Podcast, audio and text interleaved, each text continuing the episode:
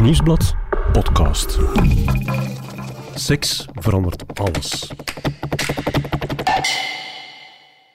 We klikken echt goed Op alle vlakken. Emotioneel, seksueel. Soms hebben wij verschillende keren seks op een dag. Gewoon omdat we zo zot zijn van elkaar. Dus ja, dan denk je dat je een toekomst hebt natuurlijk. Alleen dat kind, daar hebben we het eigenlijk nooit over gehad. Soms kan liefde simpel zijn. Je ziet elkaar graag. I love you. I love you too. De seks is goed. Night and day, I dream of you. De toekomst lacht je toe. Tot een kleine onverwachte wending zich aandient. Ik ben Johan Terrein en deze podcast gaat over seks. Over dit, maar vooral ook over dit. Over hoe je seks beleeft in je hoofd. Uiteindelijk kan alleen jij dat weten. En dat maakt het net zo fascinerend. Eigenlijk is seks een spiegel die van alles vertelt over jezelf en je relaties. En de vrouw die ons die spiegel voorhoudt is relatietherapeute Rika Ponet. Zij neemt ons mee naar haar praktijk, Kom binnen. waar ze de meest intieme dingen hoort. En na al die jaren is er voor Rika één rode draad die door al die verhalen loopt. De mens zingt het, seks verandert alles, maar dat is uiteraard ook zo. hè. Seks verandert alles. Om niet uit het bed te praten, geeft ze deze echte mensen uit haar praktijk een andere naam en een andere stem. Rika, vandaag een verhaal over ongewenste zwangerschap. Je zou denken, sinds de uitvinding van de pil, dat is iets van vroeger, hè? maar het komt nog veel voor. Eh, het komt nog heel vaak voor. En het bewijst dat vruchtbaarheid, al of niet zwanger worden, dat dat veel meer is dan alleen maar iets rationeel. De pil is een rationele keuze. Ik wil niet zwanger worden of andere voorbehoedsmiddelen. En in de praktijk blijkt dat er ja, toch nog altijd veel andere motieven spelen, onbewust vaak, die er dan toch voor zorgen dat iemand zwanger is. Dit is het verhaal van Marij en Peter. Marij is 36, single en kinderloos.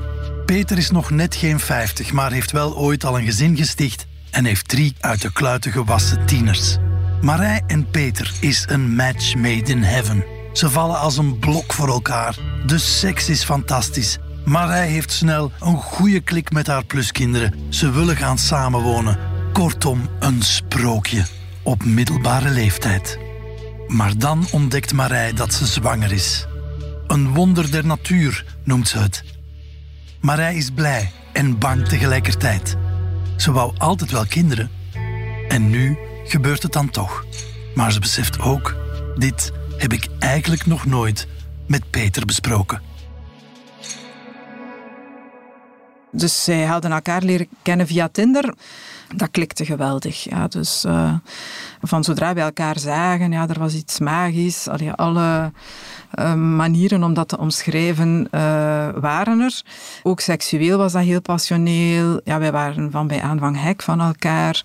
De hele dag door berichtjes, zo vaak als we konden afspreken. We zouden het meerdere keren per dag gedaan hebben. Ja, echt heel passioneel En ook onbeschermd. en onbeschermd. Ja. Want ze noemt het een wonder van de natuur. Wat wil zeggen, ze dacht dat ze onvruchtbaar was. Ja, dus ze heeft altijd heel graag kinderen gewild. Nu, ze had voorheen een aantal relaties, ook een aantal keer dat ze seks had gehad zonder voorbehoedsmiddelen. In een periode dat ze vruchtbaar was en eh, ze toch niet zwanger was.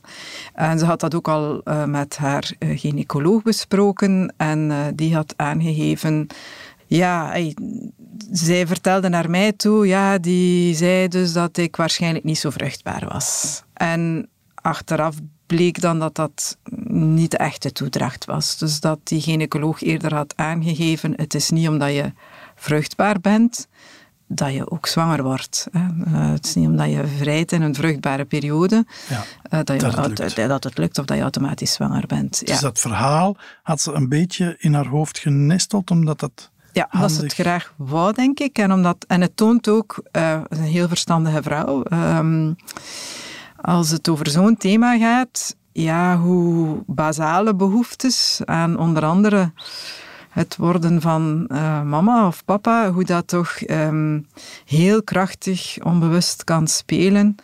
En hoe dat eigenlijk ook elke rationaliteit vaak overtreft of overtroeft. En eh, dat was in dit verhaal ook effectief zo. Voor alle duidelijkheid, dat geloofde ze zelf echt, hè, dat ze niet vruchtbaar was? Eh, ja, was dat was eigenlijk. Ik, ik denk niet dat dat een bewuste leugen is. Hè. Dan, dat zie ik wel vaker. Je zou er kunnen inderdaad van uitgaan als iemand eh, bij de gynaecoloog een bepaalde uitleg heeft gekregen en in je hoofd wordt dat een stuk een ander verhaal, dat je dat daar zelf van maakt en dat je daar dan een leugen van maakt om toch gedaan te krijgen wat je eigenlijk wil. In haar verhaal dan zwanger worden of moeder worden. Maar ik denk dat we daarin inderdaad ook wel regelmatig onszelf een stuk bedriegen of voorliegen, eh, omdat we iets zo graag willen dat we er ja, dan eh, een of ander eigen scenario van maken. En dus was haar verhaal naar een man toe die ze op dat moment heel fijn vond en heel graag zag en waar ze ook het potentieel van zag als vader. Eh, Weet je, ik ben eigenlijk niet echt vruchtbaar. Ja, Hoe is de reactie van Peter op haar zwangerschap? Tegen haar eh, verwachting in niet zo positief. Ehm, hij weet eerst blijkbaar niet goed wat eh, zeggen, of hij reageert daar nogal afstandelijk op. En na een paar dagen voelt ze heel duidelijk dat, ehm, ja, dat hij dat eh, waarschijnlijk niet echt wil. En ze voelt zich dan al heel slecht daarbij. Ja, je wil natuurlijk op het moment dat je zwanger bent, ook al is dat niet gepland, dat het wel gewenst is. Ja. hè. Want eigenlijk wil zij wel nog graag een kind. Bij hem was dat niet duidelijk, maar het was ook niet radicaal nee. Eh, ze heeft ondertussen ervaren dat dat een hele goede papa is voor zijn drie andere kinderen.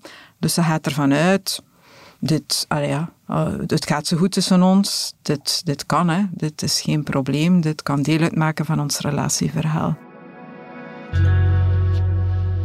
Hij zei niks. Hij zweeg. Ik had dat echt nog nooit meegemaakt bij ons. Normaal kunnen wij over alles praten. Kunnen wij uren in de zetel liggen, lange gesprekken voeren. We sturen tientallen berichtjes per dag. Maar toen... Toen klapte hij dicht. Eh, Wat, wat gebeurt er dan in dat bruisende koppel met Ja. hoge seksualiteit? Ja. Ineens die boodschap, er komt een kind. Dat valt volledig stil. En dat was ook wat voor haar zo pijnlijk was. In eerste instantie natuurlijk het feit dat hij niet enthousiast op die zwangerschap reageerde. Maar in tweede instantie vooral ook dat hij zich ineens massief terugtrok uit die relatie. En hij gaf aan, ja, ik heb tijd nodig, ik moet daarover nadenken, ik weet het allemaal niet meer. Maar eh, ja, ineens eh, al die affectie, al die liefde, heel dat ehm, prachtig romantisch verhaal waar, eh, ja, waar ze zo, dat stuikt in elkaar. Ja. Ja. dus dat was op meer dan één terrein een, voor haar een bijzonder stresserende situatie. Ja, want bij Peter is dat totaal niet aan de orde. Heb je hem ook gesproken? Ja, hij is na haar ook eens bij mij op gesprek geweest. En ehm, ja, hij heeft aan zijn kant van het verhaal gedaan, wat altijd interessant is om te horen wat ja, de perceptie of de beleving aan beide kanten is, los van elkaar. Want als mensen samenkomen, krijg je heel vaak een gedeelte van het verhaal, of het verhaal dat ze dan ook zo zelf delen met elkaar. Als je ze los van elkaar ziet, dan ja, worden ook dingen geuit die men moeilijker in de relatie brengt. Ik kan me voorstellen dat Peter geen kinderwens meer heeft, want hij heeft er al drie rondlopen. Ja. Was dat de reden? Hij gaf aan dat, ehm, ja, dat dat voor hem op het moment dat hij aan het daten was, oké, zei hij, ik ben al eind de veertig, een kinderwens op, staat niet meer op zich bij mij. Maar ik heb ook altijd het gevoel gehad, eh, mocht ik nu een vrouw tegenkomen die geen kinderen heeft en eh, die wil dat nog heel graag, eh, wie weet evolueer ik daar nog wel in en ga ik daar nog in mee. Maar ja, ineens wordt dat in zijn schoot gesmeten. We zijn zwanger en ineens laat hij volledig in paniek en heeft hij bij zichzelf het gevoel, ik wil dat eigenlijk niet meer. Ik sloeg volledig in paniek, direct. Omdat het onverwacht kwam, maar ook omdat ja, ik besefte ineens, ik, ik wil dat niet. Ik heb al drie kinderen, die zijn zelfstandig. Dat is een heel ander leven, hè. Terug in de pampers zitten, een heel nieuw gezin starten. Pff, nee, ik, ik heb daar niet genoeg over nagedacht. En nu dat het er is, concreet... Nee, dat zie ik eigenlijk niet meer zitten. Hij knapt er echt op af. Hij knapt erop af. Hij gaf ook aan ja, dat hij nachtmerries had. Heel veel slechte dromen, heel slecht sliep, zweetbuien. En dat dat ook samenhing met zijn verleden, met zijn verhaal, uh, zijn scheiding en de dingen die daar gebeurd waren. Dat dat eigenlijk allemaal terug aan de oppervlakte kwam. De pijn uit de scheiding kwam terug naar boven. Ja, dus dat was een, um, ja, een hele, voor hem dan een hele moeilijke echtscheiding geweest. En hij had zijn vrouw, die hij volledig vertrouwde en waar hij altijd naar opgekeken had. En waar hij van dacht dat zij een, ja, een band of een relatie voor het leven hadden. Zo heel klassiek betrapt op overspel, maar dan zo de meest pijnlijke manier. En dat is dan, je komt wat vroeger thuis van het werk, je steekt, zoals dat dan in de reclamefilmpjes bijna grappig wordt voorgesteld, je steekt de deur open en, En daar, daar liggen ze. liggen ze. Dus ehm, ja, dat is voor hem een heel, heel traumatische ervaring geweest. Een slecht filmscenario. Ja, absoluut. En hij bleek nu ook dat toch niet, nog niet goed verwerkt te hebben. Hij dacht dat, maar hij ziet eh, constant eh, die beelden nu terug, sinds uh, Marij dus gezegd heeft eh, dat ze zwanger is. En wordt altijd opnieuw weer in dat verleden eh, gezet. En eh, ook dat maakt dat hij ja, ook heel hard gaat twijfelen aan de relatie zelf. Ehm, dat is ook de reden waarom dat hij ehm, ineens ook seksueel ehm, dat helemaal niet meer ziet zitten. Verandert er veel seksueel? Of? Ehm, ja, hij probeert dat nog een tijdje, of ze nemen dat terug wel een stukje op. Maar eh, hij geeft ook aan dat dat voor hem heel moeilijk is en hij in zijn hoofd dan ook daaruit weggaat. eh, sinds hij, Dat hij eh, er niet bij blijft. Dat hij er niet bij Nee. blijft, ja. Dat zijn zo van die typische vluchtroutes. Hij heeft eigenlijk beelden van... Hij kijkt dan alles naar porno en zo ook. En hij gebruikt dan eigenlijk beelden, andere seksualiteit eh, tussen mensen, om zelf opgewonden te zijn en met haar te kunnen vrijen. Dus eh, hij valt niet echt samen op dat moment Met zichzelf. Ja, ja. met de situatie. Ja. Ja. Is het sowieso een slecht teken als een van de partners tijdens de seks aan iets anders denkt? Want ik kan me ook voorstellen dat mensen dat wel herkennen. Aan uw was of zo, Johan. Ja, Nee. Mijn was Ja. moet nog... Of aan uw belastingsformulier dat je nog moet invullen. Soms is dat een teken dat je heel erg ik bedoel niet aan de gestresseerd was, hè. ik bent. bedoel aan Ja, aan andere, andere, situaties, andere lichamen. andere maar. lichamen. Ik denk niet dat dat een heel gezond signaal Nee. is. Ja, niet, niet dat dat ongezond is op zichzelf, maar het feit dat je dat nodig hebt om... ehm, Zegt altijd iets. Ja, dat is ook een leugen. Hè. Dat is, eh, je vrijt eigenlijk met iemand ja, en je bent zogezegd opgewonden. Eh, dat Maar het dan, gaat over iets anders. maar het gaat over iets anders. Dat is, dan, dat is dan het lichaam dat je presenteert aan de persoon waarmee je aan het vrijen bent, maar eigenlijk heb je iets anders nodig om die opwinding te kunnen tonen. Dus eh, wie wil zo met iemand vrijen? Eh, dat lijkt mij niet direct een prettige gedachte. Ja. Nee. Dus terug naar Peter, hij voelt zich er heel slecht bij. En wat doet dat precies met Marij? Ja, zij pikt die signalen heel duidelijk op. Hij is veel eh, afweziger in de relatie en dat roept bij haar een enorme paniek op. Ja, die ehm, kwam bij mij en die was ehm, in alle staten, zoals ze dat zeggen. Ja, heel emotioneel, wenen. ehm, toch wel een moeilijke omstandigheid om daarin zwanger te zijn. Wat doet het koppel dan? Ze kiezen ervoor om er eerst een, een beetje tijd te laten overheen gaan. Een soort van time-out alvorens een beslissing te nemen. Ja. Did you ever want it? Did you want it bad?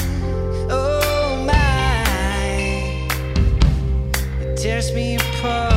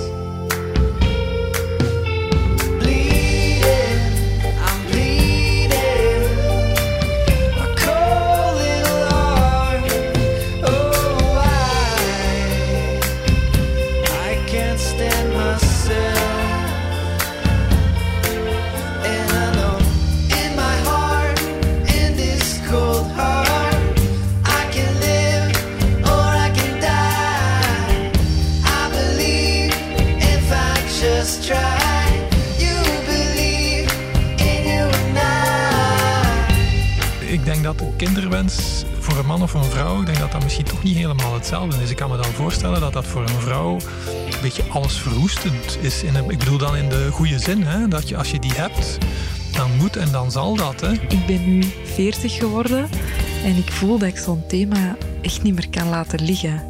Oh, en dat maakt het echt pff, eigenlijk bijna absurd soms. Dat gaat zo snel over kinderen. Je wilt ook iemand niet wegjagen daarmee. Nu heb ik een nieuwe partner die ik ook heel snel heb verteld over mijn kinderwens. Die heeft daar zwijgend naar geluisterd. Wat het heel spannend maakte. En dan, na een paar weken, gezegd dat hij gesteriliseerd is. Ja, en dat is een hele lastige, want wat doe je daar dan mee? Dan uh, heb ik wel ontdekt dat je zo'n operatie kan ongedaan maken, maar dat zijn echt al hele grote, belangrijke thema's waar je over aan het praten zijn. Je kent elkaar amper. Ik wist al van mijn 16 jaar dat ik één of meerdere kinderen wou. En bij mij is dat altijd een dealbreaker geweest. Mijn, mijn ex-vriendin die wou geen kinderen. En voor mij was dat heel snel duidelijk van oké, this is not going to last forever. Als homoseksueel koppel hebben wij eigenlijk vrij snel gezegd van nee, we gaan dat niet doen. Um, ook, ja, er zijn veel te veel kinderen op de wereld. Um, heel die procedure, we hebben daar gewoon geen zin in. Ook het zien mislopen ook bij, uh, bij bevriende homokoppels. Maar ik ben er wel vrij van overtuigd. Waren wij een hetero-koppel, ik de vrouw of, of mijn partner de vrouw, dan hadden wij waarschijnlijk al kinderen. Daar ben ik vrij zeker van. Ik heb ook nog niet het gevoel dat de wereld er volledig voor klaar is. Het is aan het veranderen. Het is vol een bak aan het veranderen. Maar ik heb altijd gezegd wat dat ze over mij zeggen. I don't care. Zeg wat je wil.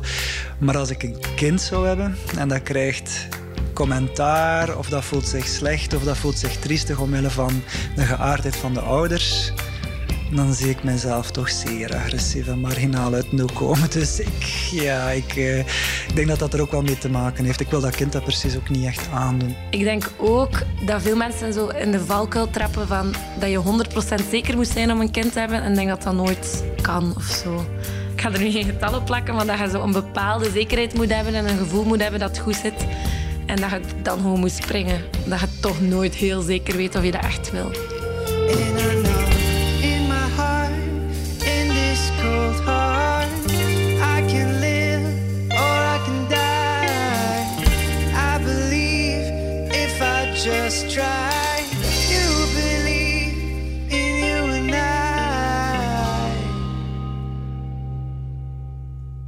Wat opvalt in dit verhaal, en Marij en Peter kennen elkaar nog maar een paar maanden, hebben zotte seks, uh -huh. uh, match made in heaven, passioneel enzovoort.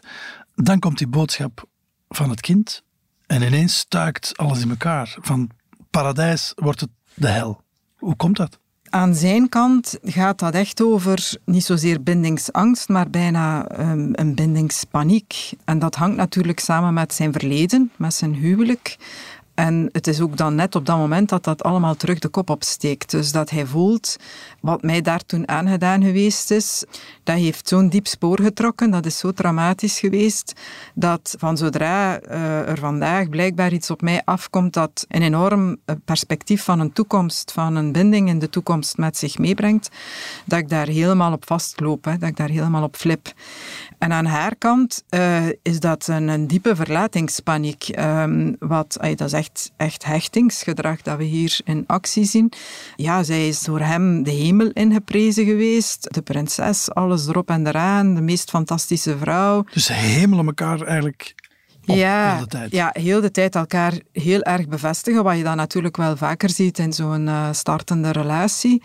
Ja, hij gaat zelfs zo ver dat hij dan zelfs had aangegeven van ja, ja, ik denk dat jij de meest fantastische moeder zou zijn. Wat haar ook natuurlijk sterkte, onbewust in haar overtuiging. Dat is een man die echt voor mij kiest. Ja, een man die tegen u zegt, ik denk dat jij een fantastische moeder uh, zou zijn. En uh, uh, ja, dat geeft je uiteraard het gevoel dat je in je totaliteit als vrouw, in je volledigheid eh, bevestigd wordt. Mm. Dus wat je nu zegt, is ze zijn elkaar zo veel aan het bevestigen, complimenteren, ja. weet ik veel. En vanuit is dat eigenlijk vanuit een soort angst om verlaten te worden. Ja, we willen allebei heel graag bevestigd worden. Ja, hij heeft zijn geschiedenis daarin. Het feit dat uh, zijn ex-vrouw hem zo bedrogen heeft op die manier. Uiteraard doet dat iets met het zelfwaardegevoel van mensen en dat herstelt zich ook niet van dag 1 op dag 2. En aan haar kant is dat, ja, is dat eigenlijk een beetje de geschiedenis van haar liefdesleven. En altijd opnieuw weer toch terechtkomen in relaties waarin ze heel hard vraagt naar bevestiging. Ja, dat ook heel hard nodig heeft. Uh, het gevoel gewild te zijn. Ja, zolang als dat, dat in zo'n beginfase zit, is dat fantastisch. Uh, maar op een bepaald moment treedt de realiteit natuurlijk binnen en hier wat sneller dan verwacht, onder de vorm van ja, wat dan toch een heel erg groot engagement is, eh, of misschien het grootste vandaag de dag, is het samen krijgen van een kind. Dus het kind is een serieuze reality check hier. Ja, ik denk wat hier in essentie op tafel lag, was niet zozeer de zwangerschap, maar eigenlijk heel vroeg al is dit uh, een relatie die een langer leven beschoren is, of willen wij, gaan wij echt kiezen voor elkaar. Ik heb daar nog eens goed over nagedacht. En als je daar rationeel over nadenkt, dan weet je eigenlijk dat dat geen goed idee is.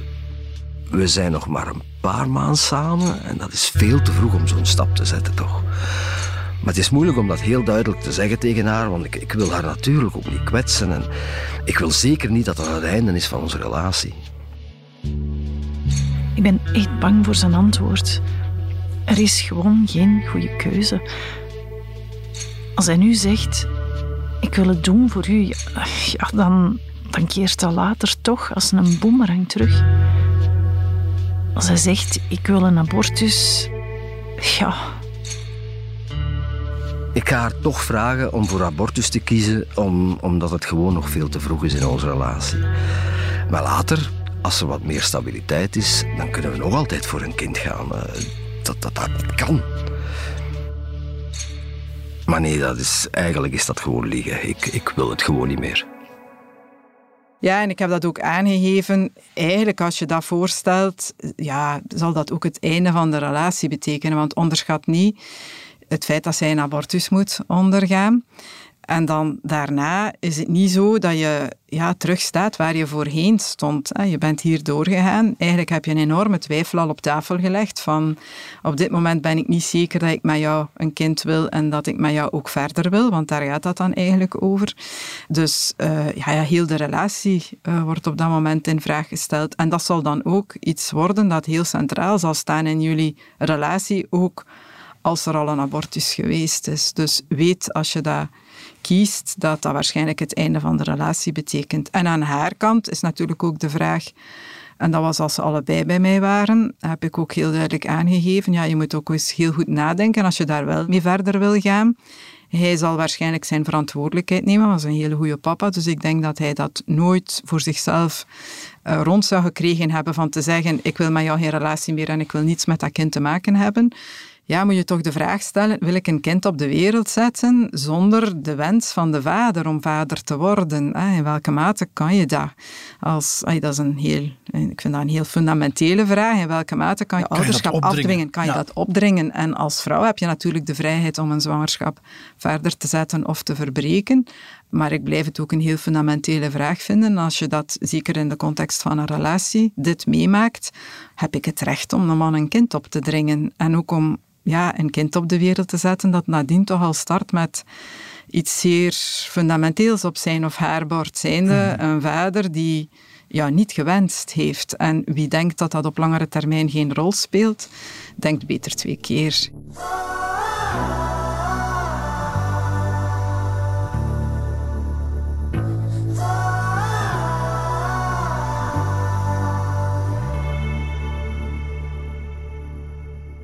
Het is een ongelooflijke padstelling. Hè? Wat kan je als therapeut op zo'n moment doen of voorstellen? Of...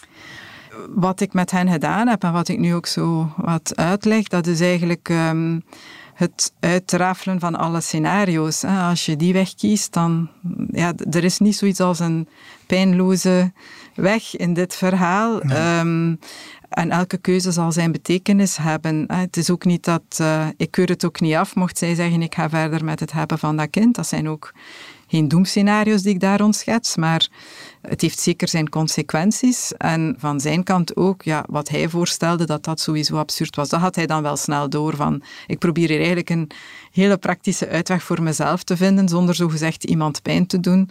Maar de consequenties zullen zeer groot zijn als ik nu zeg van, weet je, we kiezen voor de abortus en op een later tijdstip herbekijken we het of we al dan niet nog kinderen willen of een kind willen.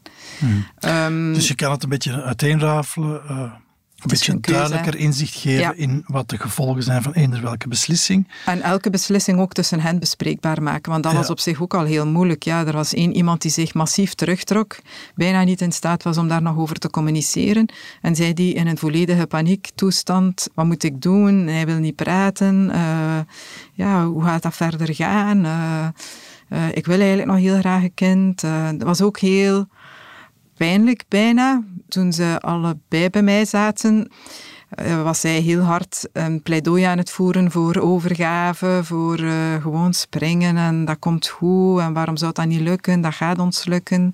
Hmm. En zij hield ook heel de tijd met haar twee handen haar buik vast. Ja, Ja. vond dat, terwijl dat er van die zwangerschap op dat moment nog niks zichtbaar Niks was. zien was. Ja, maar het was alsof dat er een soort van beschermingsreflex al was naar, eh, naar het ongeboren leven. Ja. ja.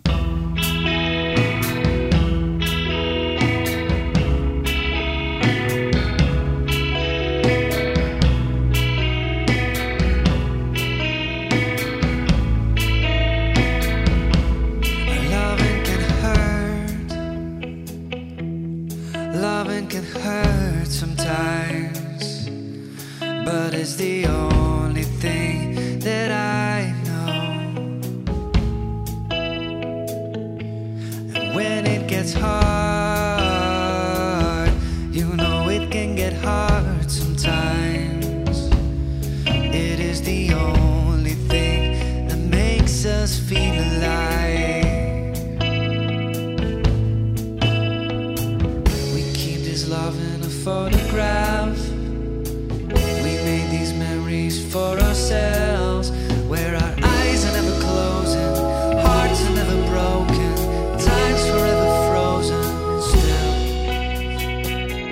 denk ook als je verwacht als vrouw dat papa een vaderrol gaat opnemen, dat je die niet al in het zak moet zetten van voordat dat kind geboren is.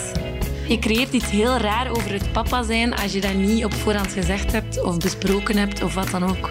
Ik denk dat het proces voor die papa om zich papa te voelen, dat dat ongelooflijk bemoeilijkt wordt als je dat als vrouw niet eerst gevraagd hebt. Hoewel ik geen kinderwens heb, denk ik als het bij ons per ongeluk zou gebeuren, dat ik dat toch ook niet makkelijk zou vinden om, om dan die zwangerschap te beëindigen. Hoewel dat eigenlijk voor ons alle twee heel duidelijk is dat dat echt niet hoeft in onze relatie en dat zijn kinderen meer dan voldoende zijn.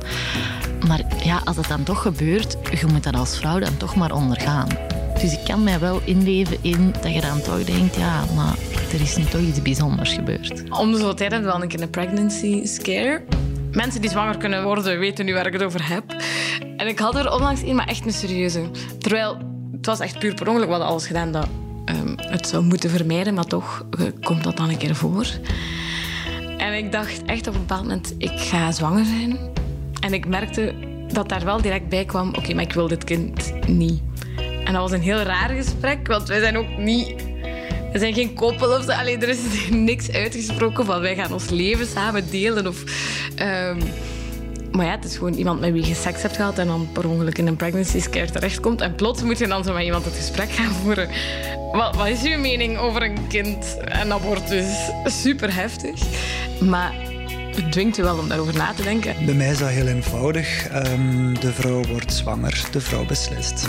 Zeker in dit geval, als zij zegt voor mij is dit een wonder, dan vind ik dat zij alle recht heeft om dat te houden. Als dat voor hem betekent einde van de relatie, oké, dat is zijn keuze. Ik heb toch een beetje het gevoel dat mannen met der tijd ook wel makkelijker hun mening kunnen wijzigen. En ik denk dat voor een vrouw veel gevoeliger ligt, zeker als het een vrouw is die het gevoel heeft gehad van onvruchtbaar te zijn en ineens zoiets heeft van, ah, het kan toch. Om het dan te moeten opgeven vind ik persoonlijk veel zwaarder geladen dan een man die zegt van allee, ik heb nu nog een kind. Ik vind dat zo raar dat vrouwen vandaag de dag op een bepaalde leeftijd allemaal zo per ongeluk zwanger beginnen worden.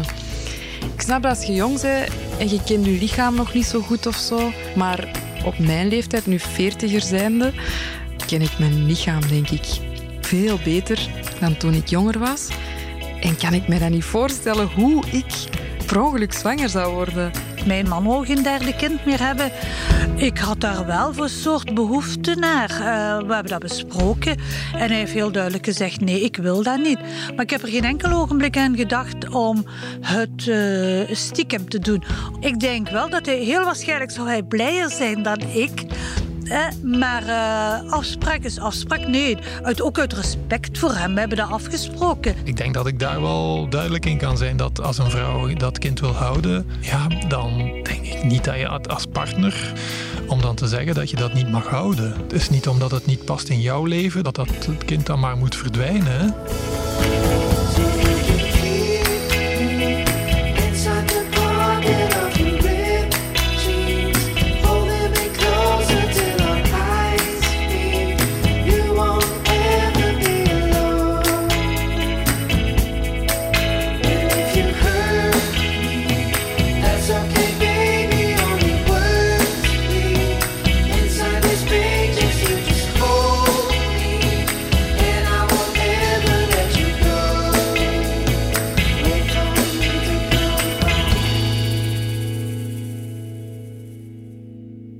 Je zei net tijdens de muziek dat dit verhaal jou persoonlijk ook zo aangegrepen had. Waarom is dat?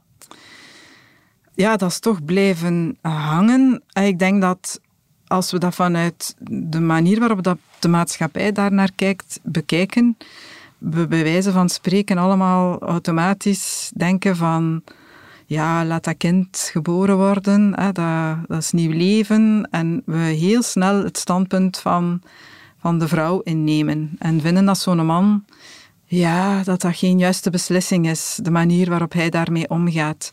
Nu, ik zag natuurlijk ook zijn lijden.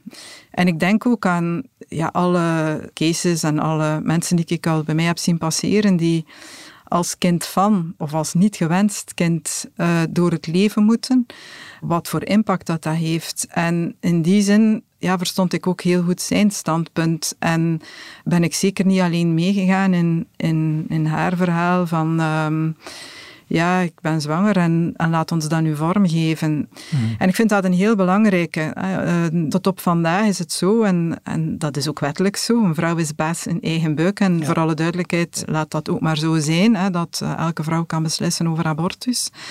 Maar dit gaat over iets anders. Hè. Dit gaat over uh, baas in eigen buik bij het verder zetten van een zwangerschap. Het is gekoppeld dus ook aan de relatie verder zetten. Het is ook gekoppeld aan de relatie. En ik blijf dat ook een hele belangrijke vraag vinden. Heb je eigenlijk als vrouw het recht om de man vaderschap op te dringen? Hè? Want als man heb je daar ja, geen enkele controle over. Uh, machteloos sta je daar tegenover. En ik ben er ook zeker van, het merendeel van de mannen, dat zijn geen rotzakken die de biezen pakken en zich daar niets van aantrekken. Die uh, zullen dan tegen wil en dank dat vaderschap opnemen. En ik vind dat je, als je het met twee bewust tot stand hebt gebracht, uh, dat het dan ook een keuze van de twee moet zijn. Mhm. Zeker in de omstandigheden waarin dat dit verhaal zich afspeelde. Het is niet zo dat ze allebei heel openlijk en duidelijk hadden afgesproken, wij gaan voor een kind.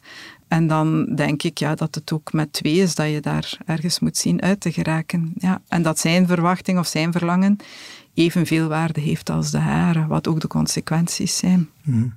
Hoe zit dat bij jongeren tegenwoordig? Komt het daar nog vaak voor? Ja, ook vaker dan gedacht. Je ziet dat uh, mensen hebben ook heel snel argumenten om te rechtvaardigen waarom het gegaan is zoals het gegaan is. Het zijn zelden rationele argumenten. Hè. Dat is dan, oh ja, we hadden gedronken alle twee en um, ik ben een keer mijn pil vergeten. Ja, ik wil met elke vrouw het gesprek aangaan. Als je echt niet zwanger wilt zijn als vrouw en je bent een keer je pil vergeten, dan weet je dat verdomd goed dat je een keer die pil bent vergeten. Dan weet je dat ook heel goed. En ik wil de verantwoordelijkheid niet volledig bij een vrouw leggen, voor alle duidelijkheid, maar weet je dat heel goed. En dan doe je daar postseks alles aan om toch niet zwanger te zijn. Hè? Want, en dan kan je misschien wel zeggen van, bon, ja, zo'n... Uh, een postsekspil, dat, dat, dat is uh, niet gezond, dat is veel gedoe. Maar ja, wat is een, uh, het risico op een zwangerschap en een mogelijke abortus? Wat brengt dat niet met zich mee? Dus dan zie je dat daar een speelveld zit, wat dan gaat over biologie, denk ik. of een ruimte zit die gaat over biologie een kind krijgen, dat is een immense verantwoordelijkheid voor de rest van uw leven. Dat is een vorm van risicogedrag die we in geen enkel ander domein van het leven op die manier Toelaten, stellen, ja. toelaten. En daar zouden we dat dan met zo'n argument terzijde schuiven. Dat wil dus zeggen dat er daar toch een Iets anders biologisch speelt. iets anders speelt. Een die De drang biologische, de drang om voor te planten. Ja. Absoluut, ja. Maar de grote verliezer in zo'n verhalen is, denk ik dan, de relatie. Ja, zeker in dit verhaal was dat zo. Ehm, ja, uiteindelijk heeft het probleem zichzelf opgelost. Misschien ook omdat, het, eh, omdat er zoveel stress rondhing, want dat is ook allemaal niet goed. Hè. Ehm, zij heeft een spontane abortus gehad, dus ehm, ze zijn die zwangerschap kwijtgeraakt. Dus uiteindelijk hebben ze eh, niet moeten beslissen.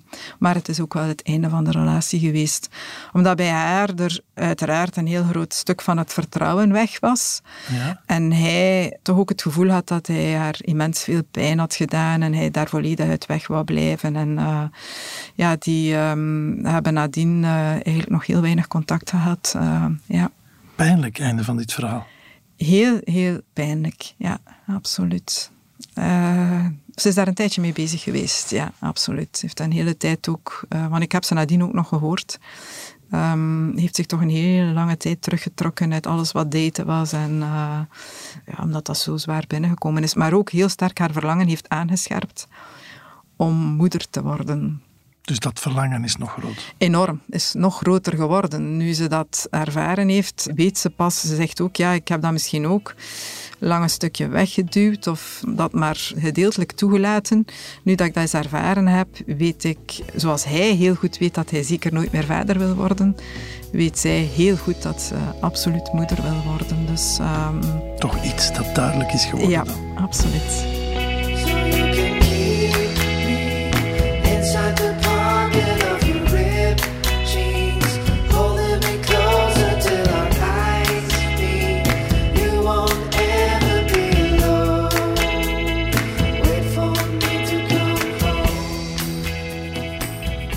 Was Seks verandert alles, een podcast van het Nieuwsblad. De stemmen waren van mezelf, Johan Terrein, en van relatietherapeute Rika Ponnet. De muziek kwam van Pieter Schrevens en de montage gebeurde door Benjamin Hertogs van House of Media. Dank ook aan de Love Voices voor het delen van hun persoonlijke liefdesverhalen. De productie was in handen van Kaatje de Koning, Joni Keimolen en Bert Heijvaart.